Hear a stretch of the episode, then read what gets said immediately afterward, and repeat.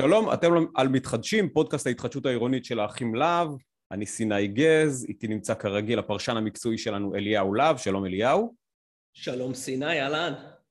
אהלן אהלן, אה, ואיתנו נמצאים אה, שניים, עורכי, עורך הדין אמיר קדרי ועורך הדין אמיר אדיקה, שני אמיר, זה אתגר פה, אה, שותפים במשרד טל קדרי שמיר ומנהלים את מחלקת ההתחדשות העירונית ובעצם מייצגים את בעלי הדירות במחלקה הזאת, אז שלום אמיר ואמיר. שלום. אהלן. מה שלומכם? נעים לארח אתכם פה, כיף לארח אתכם פה. אז קודם כל... קצת שלנו, אז נעים גם כך. כן. אנחנו כבר רגילים.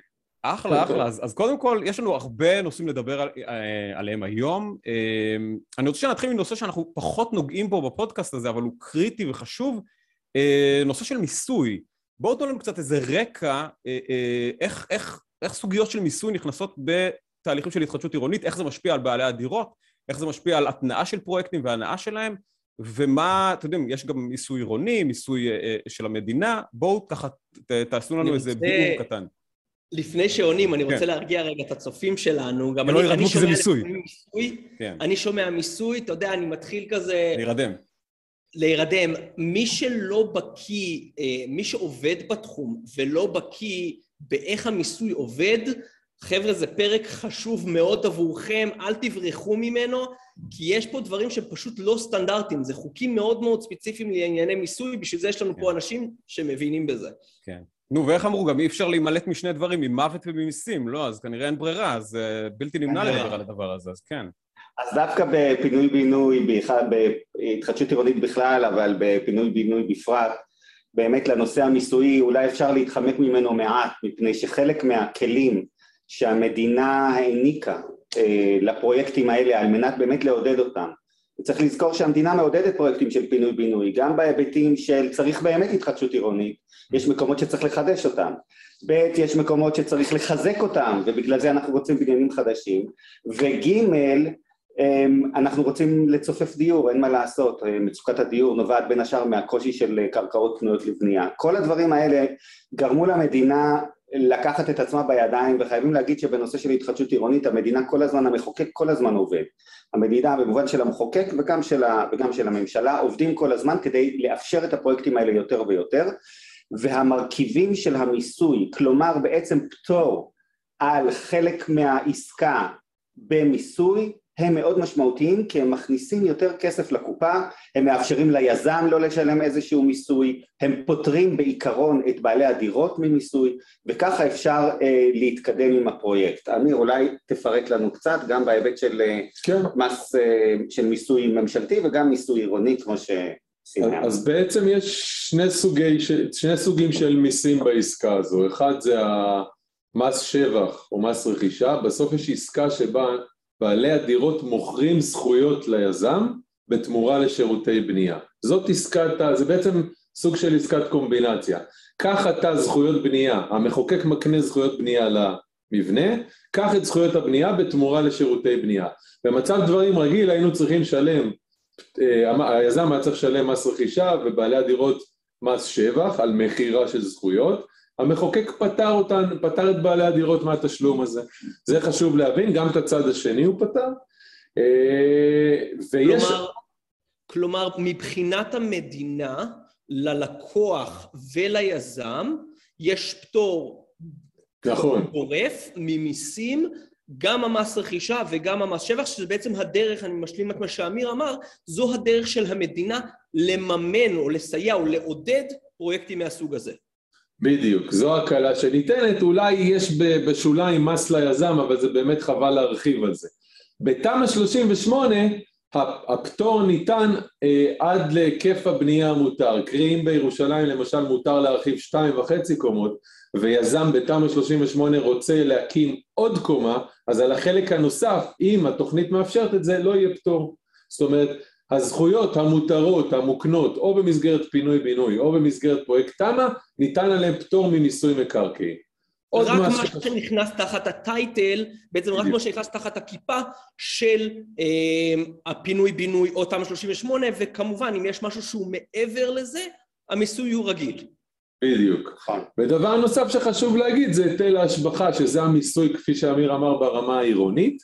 גם שם המחוקק נותן פטורים מהיטלי השבחה, היטל השבחה זה מה שאתה משלם על מימוש זכויות, אם היה לך לצורך העניין 500 מטר ועכשיו יש לך 1,000 מטר, הדלתא בזכויות הבנייה היא משהו שהוא אה, נתון לשומה של היטל השבחה, בדרך הזו העירייה מממנת כבישים, בתי ספר, גנים, גם שם המחוקק נתן פטור כדי לעודד את זה, הפטור הוא לא מלא, בתמ"א 38 הפטור הוא מלא, בפינוי בינוי ניתן פטור מלא, אבל עכשיו בתיקוני חקיקה שכנראה ייכנסו לתוקף בקרוב, אנחנו יודעים להגיד שבעצם יהיה מתווה מדורג, חלק מהפרויקטים, העירייה תוכל לקבוע באיזה אזורים ניתן פטור מלא, באיזה אזורים ניתן פטור חלקי, פחות או יותר לייצר ודאות בתחום הזה. כאשר אתם שומעים חברים, כאשר אתם שומעים על זה שאולי היטל ההשבחה יהיה 25 אחוז, שזה הקו שככה אה, מדברים עליו, אז דעו לכם שאכן בחלק מהפרויקטים של פינוי-בינוי שעד היום הייתה איזו תפיסה שהם יהיו פטורים לחלוטין, מנסים ליישר קו ולומר שההיטל השבחה יהיה 25 אחוז, דעו לכם שגם זה מגלם פטור משמעותי, מפני שהיטל ההשבחה באופן רגיל על פרויקטים רגילים שלא במסגרת פרויקטים של התחדשות עירונית הוא 50 אחוז. כך שגם ה-25 אחוז מגלם הנחה משמעותית. לפני שסיני עושה את המהלך האלגנטי שלו, שנכנס ל... ואני רואה אותך כבר מתכנן את זה, סיני, של שינויי חקיקה, אוקיי? אני רוצה רגע לדבר על המהלך של למה בעצם המדינה משנה את, ה... את הפטור הזה מהיטלי השבחה. היה לנו הרי בעיה עם עיריות שחסמו תמ"א 38, אמ, כי בעצם העיריות נדפקות מהתמ"א 38, הן מקבלות דיירים נוספים, הוצאות נוספות, אבל הם לא קיבלו היטלי השבחה. תוכלו להרחיב על זה? אני, אתה, דבר. נתחיל, תראו, התפיסה בישראל היא שכל בעל דירה נוסף בעירייה מייצר הפסד לרשות. הוא גירעוני בעצם. לממן את זה, למה? כי צריכים לדאוג לגנים, בתי ספר, כבישים, תשתיות וכן הלאה. איפה האזרח יגיד מה עם ארנונה? ארנונה לא מספקת ברמה של דירה. זה, התמהיל עם מסחר יכול לספק, ומה קרה? בתמ"א 38 אתה יכול לבנות בבניין בחלקה ספציפית בלי להתייחס לתכנון סביבתי, בלי להתייחס לתכנון כוללני שייקח בחשבון את כל הדברים האלה, ואז נוצר הדיסוננס שדיברת עליו. הבינו שחייבים לייצר איזשהו קומפורט לעיריות כדי לעודד אותם להיכנס פנימה. עכשיו בעיריית ירושלים לכאורה עוד לא הגיעו לרף שיש את הבעיה הזאת. אבל מנסים לחשוב קדימה ולכן כפי שאמיר אמר קודם מנסים לקבוע שגם בפרויקטים של פינוי בינוי וגם בתוכנית שתחליף את התמ"א תהיה התייחסות להיטל השבחה. המשמעות היא כנראה שכדי לממן את זה יעניקו יותר זכויות בנייה לפרויקט מאשר יש היום. כי זה מה שיממן את היטלי השבחה. צריך ואז... לזכור עוד דבר. mm-hmm. בסופו של דבר, ואז כאן אני רוצה להתייחס למשהו שאמרתי קודם לנושא הקרקע הזמינה לתכנון אם פינוי בינוי בתחילתו באמת היה על מנת לקחת בניינים ישנים ולעשות אותם חדשים יותר ולחזק אותם מפני רעידות אדמה, היום אנחנו רואים שדווקא במקומות שיש בהם ביקוש רב ושערכי הקרקע מאוד גבוהים, לוקחים את פינוי בינוי על מנת לייצר פשוט עוד דירות. זה מצופף, אבל זה גם פרויקט נדל"ני לכל דבר ועניין. ולכן ההצדקה המקורית של להגיד בואו נעזור לבניין המסכן והדפוק להתרומם ולהיות בניין חדש לא תמיד מתקיימת. ולכן במקום שבאמת יש יותר גמישות גם לעיריות להחליט איפה הם, הם יאפשרו בכל מקום אולי אבל איפה מגיע הפטור הכלכלי ואיפה הכלכלה מאפשרת לשלם היטל השבחה בעיניי זה כלי אה, נכון יותר, הוא גמיש יותר אה, ובהחלט אה, במובן הזה מבורך כי כמו שאמיר אמר זה יפסיק מלהרתיע אה, עיריות מלהיכנס לפרויקט. הש, השאלה אם זה לא מייצר פה מצב שבו יש יותר מדי כוח לעירייה לבטל פרויקטים אם הם במרכאות לא כלכליים. זה כבר קורה, סיני. לא, אז אני אומר, השאלה אם אנחנו, אם, אם, אם, אם בעצם אנחנו מייצרים איזה כוח יתר לעיריות, או אפילו לפקיד ספציפי בעירייה. התחדשות עירונית היא, היא, היא הייתה, היא, היא, היא, תוכנית, היא תוכנית לאומית, אוקיי? זה מגיע מתוקף חוק, זה מגיע כן. מהמדינה, ו... אמ, והעיריות... פינוי בינוי ותמ"א 38, ההתחדשות עירונית כשם כולל לפרויקטים האלה. נכון, ההתחדשות עירונית כל אחד הגיע, זה, תקנה כן. וזה חוק, אבל בסופו של דבר מה שקורה, לעיריות יש את הכוח. אוקיי? ולהתעלם מהעיריות כמו שעשו עם התמ"א 38, כן. זה עבד בהתחלה, אבל העיריות הבינו עובד לרעתם, ובסופו של דבר הן יושבות על השיבר. כמה חוקים שלא תעביר וכמה פעמים שתחייב אותם, אם אין לך שיתוף פעולה מהרשות המוניציפלית, יהיה מאוד קשה להוציא תוכנית, כי בסוף מי שחותם על ההיתר הזה זה ראש העיר, ובלי חתימה שלו לא יהיה, ואנחנו יכולים לראות מה שקרה ברמת גן, מה שקרה בבת ים, מה שקרה עכשיו ברעננה. ראש עיר, ב, לפעמים פופ, באופן פופוליסטי, מחליט לעצור את זה. כן. אני רוצה להוסיף משהו מהצד החיובי, אה, סיני. אמ, בסופו של דבר השלטון המקומי מכיר את התושבים שלו, מכיר את המקום שלו, אני חושב שדווקא העצמה של השלטון המקומי, כמובן כל עוד זה נעשה בסבירות ומושיע אותנו מפני שרירותיות, אבל לתת כוח לשלטון המקומי לתכנן את אזור השיפוט שלו זה דבר נכון, זה לא דבר לא נכון. והשאלה...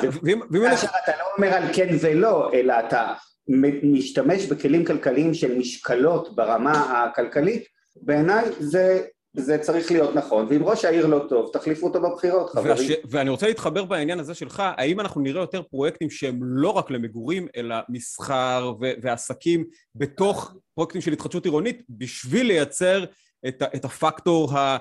שיהיה משתלם לעירייה בעצם. השאלה אם אנחנו נראה יותר פרויקטים כאלה, השאלה אם אנחנו נראה דברים שהם כאילו בלתי, שהם מחויבי המציאות, לייצר פרויקטים כאלה שיש להם גם התכנות כלכלית להמשך? התשובה החד משמעית היא כן, גם ברמה התכנונית וגם ברמה הסביבתית. אנחנו רואים הרבה יותר פרויקטים היום. כשאתה הולך לתכנון כולל ומקיף, כמו פינוי-בינוי, או כמו מה שיהיה בקרוב החלופה לתמ"א, זה יכלול גם מרכיבים של סביבה. והעירייה והוועדות התכנון הבינו שבניגוד לתפיסה בעבר, כדאי לעשות עירוב שימושים. מה הכוונה? שבפרויקט גדול יהיה גם מגורים, גם מסחר, גם ציבורי, להבדיל מהמצב שאנחנו רואים היום בשכונות בירושלים, שאתה הולך למגורים בנפרד, מרכז מסחרי בנפרד, אז כן, התשובה היא כן גדול, אנחנו כבר רואים את זה בתוכניות של פרויקטים פינוי-בינוי, משלבים גם חזיתות מסחריות, התייחסות לשטחי ציבור, וזו מגמה מבורכת. יכול להיות שזה גם יפתור לנו את ההפסד במרכאות של התושבים הגירעוניים, יכול להיות שזה יפתור לנו את המצוקה הזאת. ושאלה נוספת, האם אתם חושבים, שזו שאלה קצת יותר כללית, שאולי שווה לפתוח את, את מתווה הארנונה? זאת אומרת, אולי שווה לייצר מצב שבו התושבים הם לא גירעוניים, הם, הם מייצרים, הם, הם משתלבים לעיריות. נכנסת פה סיני... לא, אני יודע, אבל זאת שאלה... שאלה חדשה וענקית. ברור, אבל, אבל היא קשורה להכל, זאת אומרת, אנחנו מנסים להתחמק מהנושא.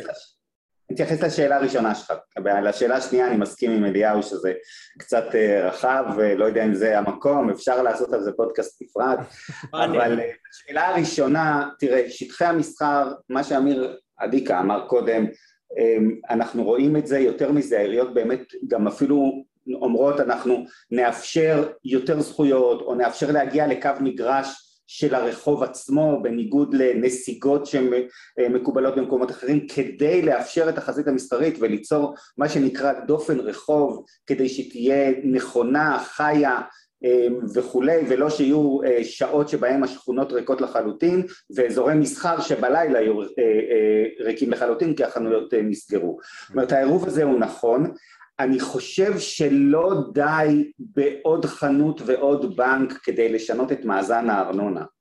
אמ, זה לא, זה לא יספק, אני, עיריות היום, ואנחנו רואים את זה במקומות אחרים, גם כשחתמו על הסכמי גג אה, כדי להגדיל את כמות הדירות בעיריות מסוימות, שמענו רק לאחרונה על באר שבע, אבל גם מקומות אחרים בעבר, הן חייבות עוד שטחים שאכן יכניסו להם כסף מארנונה אה, עסקית, מארנונה מסחרית, לא עוד כמה חנויות אה, ישנו בעיניי את המאזן למרות שאני לא מכיר נתונים מספריים אה, מדויקים.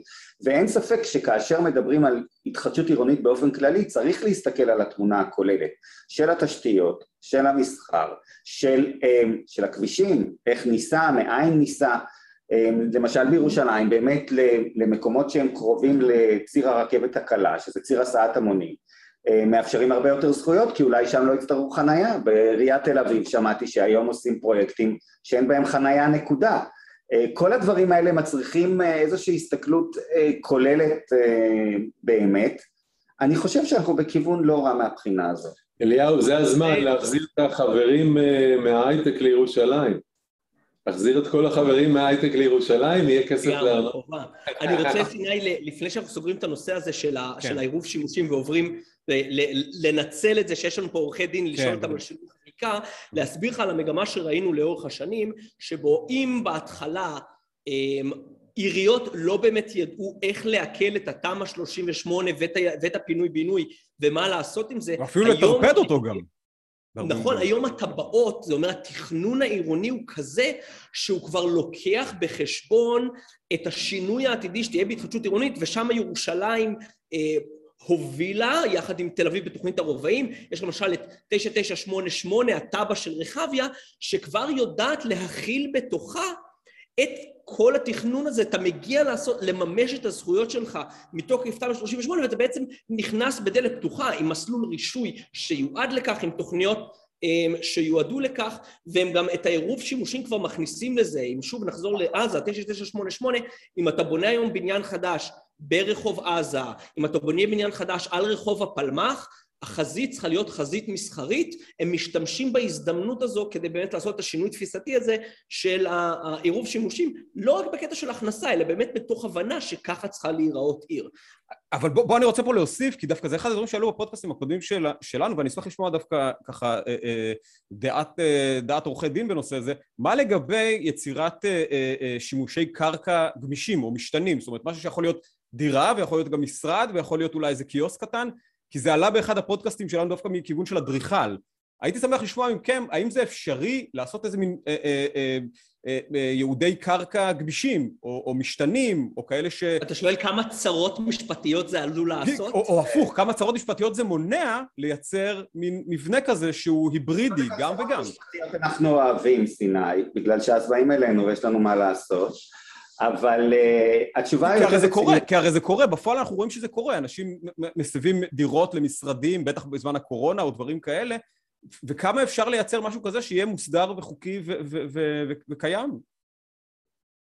תראה, אני שוב אני אומר, הנושא של, של עירוב השימושים לא בהכרח חייב לעבור בקו פיזי, שאתה אומר אתה תוחם, רק החזית היא כזו, או אפשר לייצר תוכניות שהן יותר רגישות. מצד שני, צריך לזכור אה, שבעבר כן הייתה אה, מלחמה ובעיניי מוצדקת אה, של גם עיריות כמו עיריית תל אביב וגם כמו עיריית ירושלים בכל הנוגע לכך שבאמת יותר משרדים, יותר מדי משרדים השתלטו על בניינים שהם בנייני מגורים ויוצרים גם מטרד.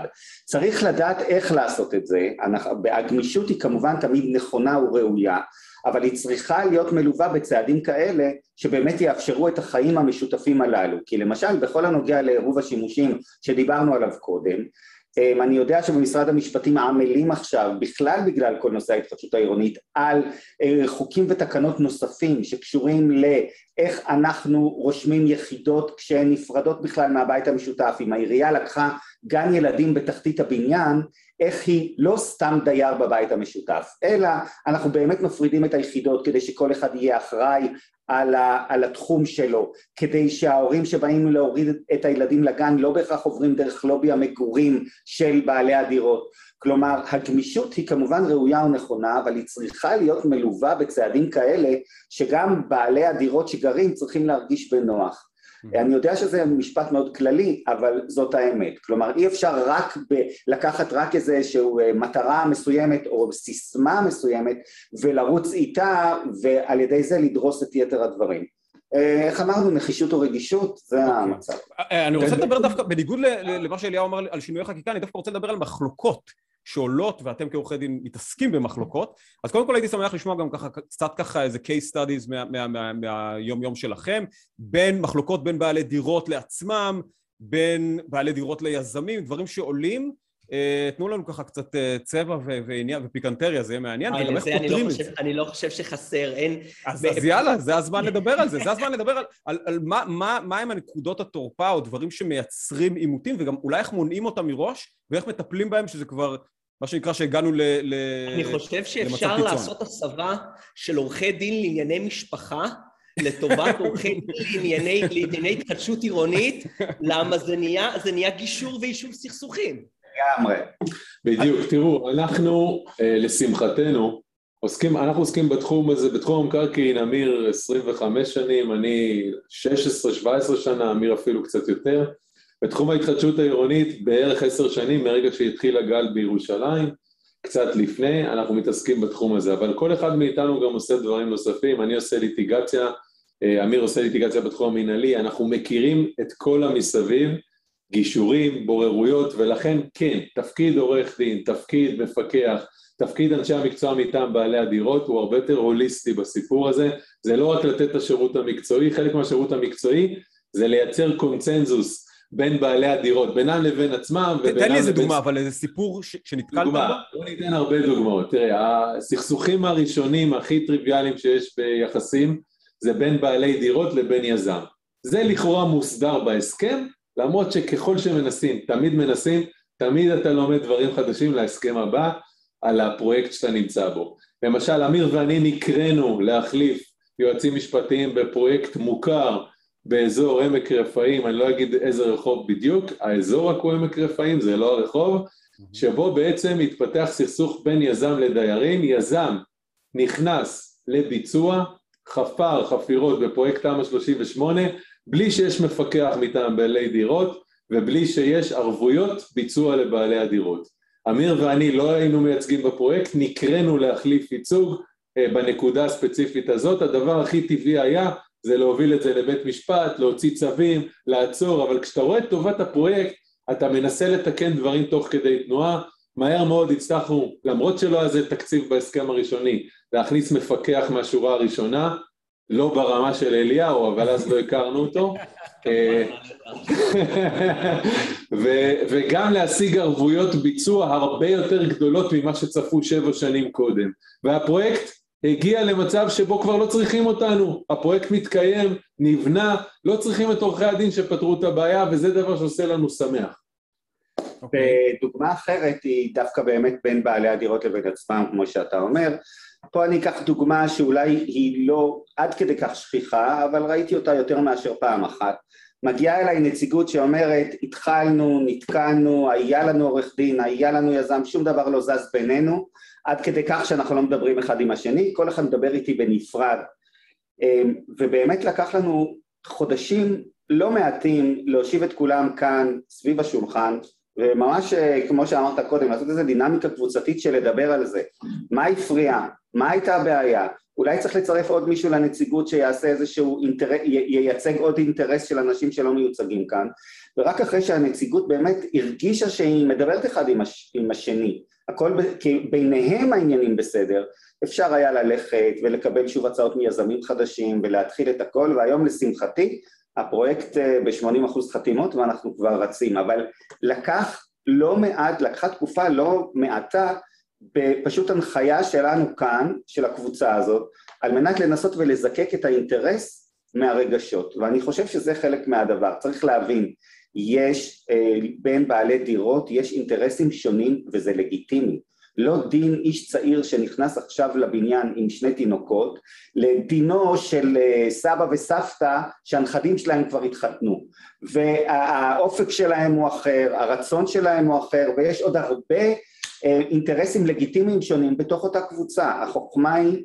לנסות ולראות מהו המכנה המשותף שאיתו אפשר להתקדם, מתוך ידיעה שלא פותרים את כל הבעיות בהתחלה, ואת יתר הבעיות לייצר את האמון הזה שבו אנשים יודעים יטפלו בנו בהמשך, יהיה בסדר. יש לכם איזה כללי זהב? לא... יש לכם איזה כללי זהב שאתם אומרים איך להימנע מראש להיכנס לעסקה שיכולה לייצר כזה אמוציות שהבעלי דירות לא, מדבר, לא מדברים עם עצמם, יש איזה גם אולי דרך לבחור לך... נציגות שאתם כעורכי דין יכולים לייעץ, אולי הנציגות הזאת מושכת לכיוון פחות, זאת אומרת יש איזה... אני יכול לומר לך מהכיוון שלי, כן. סיני, מה, מה, אני, מה אני מוצא, נכון. זה שני נושאים, זה שני נושאים שאני מרגיש שהם מחזיקים אצלם 90 אחוז מכל התקלות בפרויקטים האלה. אחד זה תקשורת, mm-hmm. אוקיי? אנשים לא באמת, וזה התפקיד של עורך הדין ומפקח הדיירים, זה היכולת לת, לתקשר בין אנשים שלא מדברים את אותה שפה, אם זה יזם שלא מדבר שפת הדיירים, ואם זה דיירים שלא מדברים את השפה של הקבלן, אוקיי? אז אחד זה תקשורת, והשני זה, אה, סליחה, זה ההבנה, הניסיון, אוקיי? Okay. ההבנה בתחום. אנשים שמגיעים בלי ידע, אנשים שמביאים פתרונות שהם לא אמיתיים, לא קיימים, אנשים שאין להם מספיק ניסיון בתחום הזה, שני הגורמים האלה תוקעים פרויקטים באופן משמעותי, ואז אנחנו מגיעים ומתחילים לפרום את הקשרים האלה. ואני אשמח לשמוע מכם אם יש איזה טיפ לגבי... כן? על זה אני אגיד לך עוד דבר, לשאלה שלך, בכל זאת לתת טיפים. כללי אצבע? כן, כן, כללי אצבע, כללי זהב, כן. מניסיון, ואנחנו כל הזמן לומדים מחדש. אחד, זה לייצר נציגויות הטרוגניות ולא הומוגניות. בסדר? Okay. שיהיו... תן לי דוגמה למשל. איך, איך, איך? למשל, דוגמה אני אתן הכי קלאסית בירושלים, במרבית הבניינים יש גם חרדים, אה, גם חילונים וגם מסורתיים. ותמיד עולות שאלות שקשורות לכל קבוצה. אנחנו תמיד מציעים לייצר אה, נציגות שהיא הטרוגנית, שיש okay. אוקיי. נציגים לכל המגזרים, כי לפעמים יוצר מצב שבו פרויקט מתקדם וחלק מהאנשים מרגישים שהם לא מיוצגים. אני אתן עוד דוגמה לחלוקות שהן רלוונטיות ובאמת הרבה פעמים הפתרון היה להכניס עוד בעל אינטרס שהוא דווקא לכאורה מקשה על הסיפור אבל בסופו של דבר מאפשר את הפתרון ומנטרל את ההתנגדות בהמשך וזה כמו שאמרתי קודם רב גילאיות בעיניי זה מאוד חשוב שהכל יישמע כשחברי נציגות אה, יותר צעירים ויותר בוגרים יושבים אחד מול השני ומסתכלים אחד על השני ומדברים על הצרכים אחד של השני אז, אז, אז זה נעשה אחרת מאשר זה מוכתב על ידי מישהו מבחוץ, זה אחד. Mm-hmm. ושתיים, וזה נושא מאוד משמעותי בעיניי בערי המרכז ובירושלים, זה בעלי דירות שמתגוררים בבניין ובעלי דירות שהם רק משכירים. אחד מסתכל על זה יותר ברמה הנדל"נית, עוד חמישה מטר נורא חשוב לי, אחד מסתכל על זה ברמה של אני רוצה לחזור לגור כאן, וחמישה מטר ירוק יותר חשוב לי אולי מחמישה מטר דירה, או דברים אחרים שרלוונטיים לזה. הקבוצות הללו כולם חייבים להיות מיוצגות, כי אחרת לא, אנחנו לא נגיע למכנה משותף אמיתי, תמיד ימשוך את זה מישהו לכיוון האחר, וההתנגדות תבוא, אז עדיף לפתור אותה סביב השולחן מאשר בשלבים הרבה יותר מתקדמים. עכשיו ברשותכם אני רוצה להגיע לנושא שככה עלה לכותרות לאחרונה, והוא למעשה גם תחילת הדרך של, של uh, תחום הפינוי-בינוי והתמ"א, זה קריסת בניינים. הרי אחת מהסיבות המרכזיות ש, שיזמו את התוכניות האלה זה בשביל uh, uh, לבטא, uh, לחזק ולשמור על, ה, על, ה, על הבניינים הישנים מפני uh, uh, uh, רעידות אדמה. אה, מה, איך, איך הנושא הזה מטופל משפטית? מה בעלי דירות במצב כזה, לפני קריסה, אחרי קריסה, יכולים לעשות בכלל? טוב, זה חדש יחסית. אני רואה איזה הנחה נתת שם, כן. זה חדש יחסית, צריך לזכור את זה כך. קודם כל, יש כמה מישורים שזה רלוונטי להם. תזכור שבבניין ישן הוא בבעלות בעלי הדירות. קרי, אם, אם קרס הבניין, לכאורה הם אה, בינם לבין עצמם, צריכים לבנות אותו מחדש על תא השטח הקיים עבורם, זה בהנחה שכמובן לא קרה שום דבר, וכמו שקרה בחולון, אנשים יצאו מבעוד מועד והכל. לא תמיד הביטוחים הרגילים מכסים את הדברים האלה, וזה חשוב להבין. הביטוח שיש למבנה, ביטוח רגיל מפני רעידות אדמה או מפני ליקויי גשם ורטיבות, לא בהכרח מכסה דבר כזה, אז לכן כן חשוב שוועדים יבדקו מול יועץ ביטוח האם הביטוח שלהם מכסה מקרים כאלה. זה במישור הקנייני הפרטי. בתופעה אה, אתה שם לב שזה גם קצת מדבק, זאת אומרת זה קרה בחולון אחרי שלא שמעת על זה אה, אף פעם, בעצם זה היה אולי המקרה הראשון ששמעו עליו, ופתאום אתה רואה שמפנים אנשים אה, מבניינים. למה? כי מדינת ישראל הבינה שאין לה מודל מחייב, אין לה תקנה, כמו במדינה אירופאית אחרת למשל, לתחזוקה שוטפת של מבנים. הם משאירים את זה לשוק הפרטי, לאחריות של בעלי הדירות, ואני חושב שהמקרה הזה בחולון גרם למדינה להבין שהיא חייבת לקחת אחריות על רגולציה בבניינים האלה. א', בניינים ישנים, מה חובה לעשות ברמה חודשית, שנתית, אה, חומש, או אני לא יודע מה, דברים שקשורים לתחזוקה שוטפת, אני חושב שנמצא את זה נכנס עכשיו לתקנות ולחוק. צריך לזכור גם עוד דבר שהוא כן תופעה של התקופה האחרונה, וזה בנייני המגורים רבי הקומות. גם כלפיהם אין הסדרה, ויודעים להגיד שתחזוקה של מבנה בין 30 קומות היא לא כמו תחזוקה של מבנה של 5 קומות. אני רק רוצה לדעת, האם הסוגיה הזאת יכולה להיכנס גם תחת הכנפיים של פינוי-בינוי, כי למעשה הפינוי כבר נעשה, אמנם בכוחות הטבע, אבל השאלה אם זה יכול להיכנס תחת הכנפיים האלה, זאת אומרת, כחלק מבעצם אה, דרך להאיץ פרויקט התחדשות עירונית, כי כבר יש תא שטח פנוי בעצם. כן? כן, כן עם קושי, מפני שאם אין דירות אה, קיימות, כן. אז יש לנו פה... זה נשמע כמו סטארט-אפ.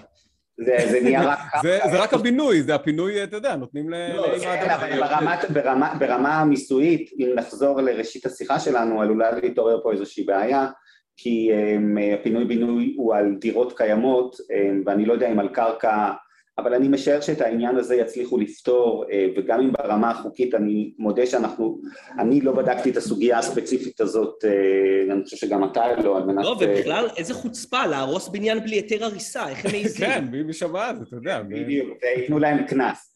אבל אה, אני כן רוצה לחזור רגע לסוגיית הבתים הגבוהים החדשים שאמיר דיבר עליהם קודם. נכון, כן היום ב...